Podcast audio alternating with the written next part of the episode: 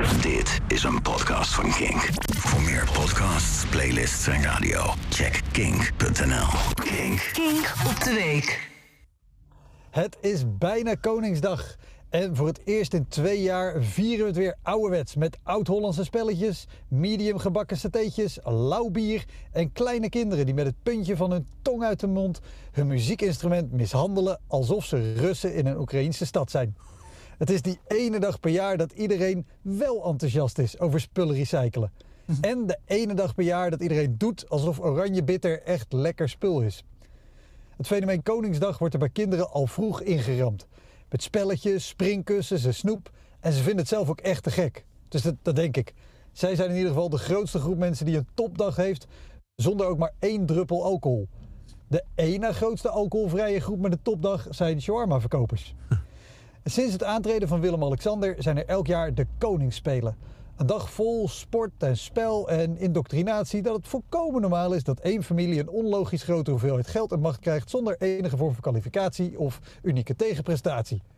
Ik vind het jammer dat we kinderen niet gewoon lekker laten en spelen en bewegen met iets kritischere spelletjes. Zoals ehm, niemand zeggen, politieke verantwoording afleggen, uh, stamboompje verwisselen. Ik ga midden in een pandemie op reis en ik neem mee. Of als Willem en Maxima er zelf bij zijn, ik zie, ik zie wat jij niet ziet en de kleur is blauw. Oh, is het jouw spijkerbroek? Nee, het is een belastingaanslag. Alsjeblieft.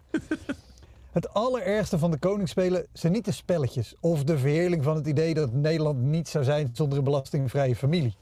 Nee, het aller, allerergste zijn de koningsspelenliedjes van kinderen voor kinderen. Uitgekoude, fantasieloze flutmuziek. Fitlala, okido, hupsakee, de passapas. Het ene nummer nog niet zeggender dan het andere. Kijk, een typisch Kinderen voor Kinderen album had altijd een mix van popliedjes en een rocknummer en een ballad, een rapnummer. Ik heb zo waanzinnig gedroomd, misschien wel het allerbekendste nummer, is een ska-nummer. En dat alles geschreven door de beste tekst- en liedjeschrijvers. Gespeeld door geweldige muzikanten. Echte muziek over echte kinderonderwerpen waarmee kinderen allerlei stijlen leren kennen. Een geweldige formule.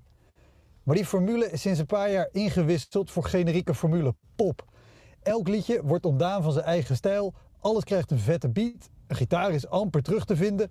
En de laag stof op het drumstel in de Kinderen voor Kinderen studio is dikker dan de plaat voor Willem-Alexanders hoofd. Dit jaar is het Koningsdagnummer zelfs een medley van alle voorgaande Koningsdagnummers. Een medley, kom op. Iedereen een gek hoedje op, glitterjasje aan en ze kunnen zo door naar de toppers. Wie nu opgroeit met kinderen voor kinderen, gelooft dat stampherrie die straks uit de speakers knalt erbij hoort. Dat feest onlosmakelijk is verbonden met 538 inwisselbare DJ's. Dat muziek een product is en geen uiting van je persoonlijkheid. Laat ze dan nog liever geloven in het Koningshuis. Dus als je wil dat er over een paar jaar nieuwe muzikanten opstaan, geef dan woensdag gul aan elk kind met een instrument. Hoe vals het ook klinkt. Leven de creativiteit. Hoera, hoera, hoera. Dit was een podcast van Kink. Voor meer podcasts, playlists en radio, check kink.nl.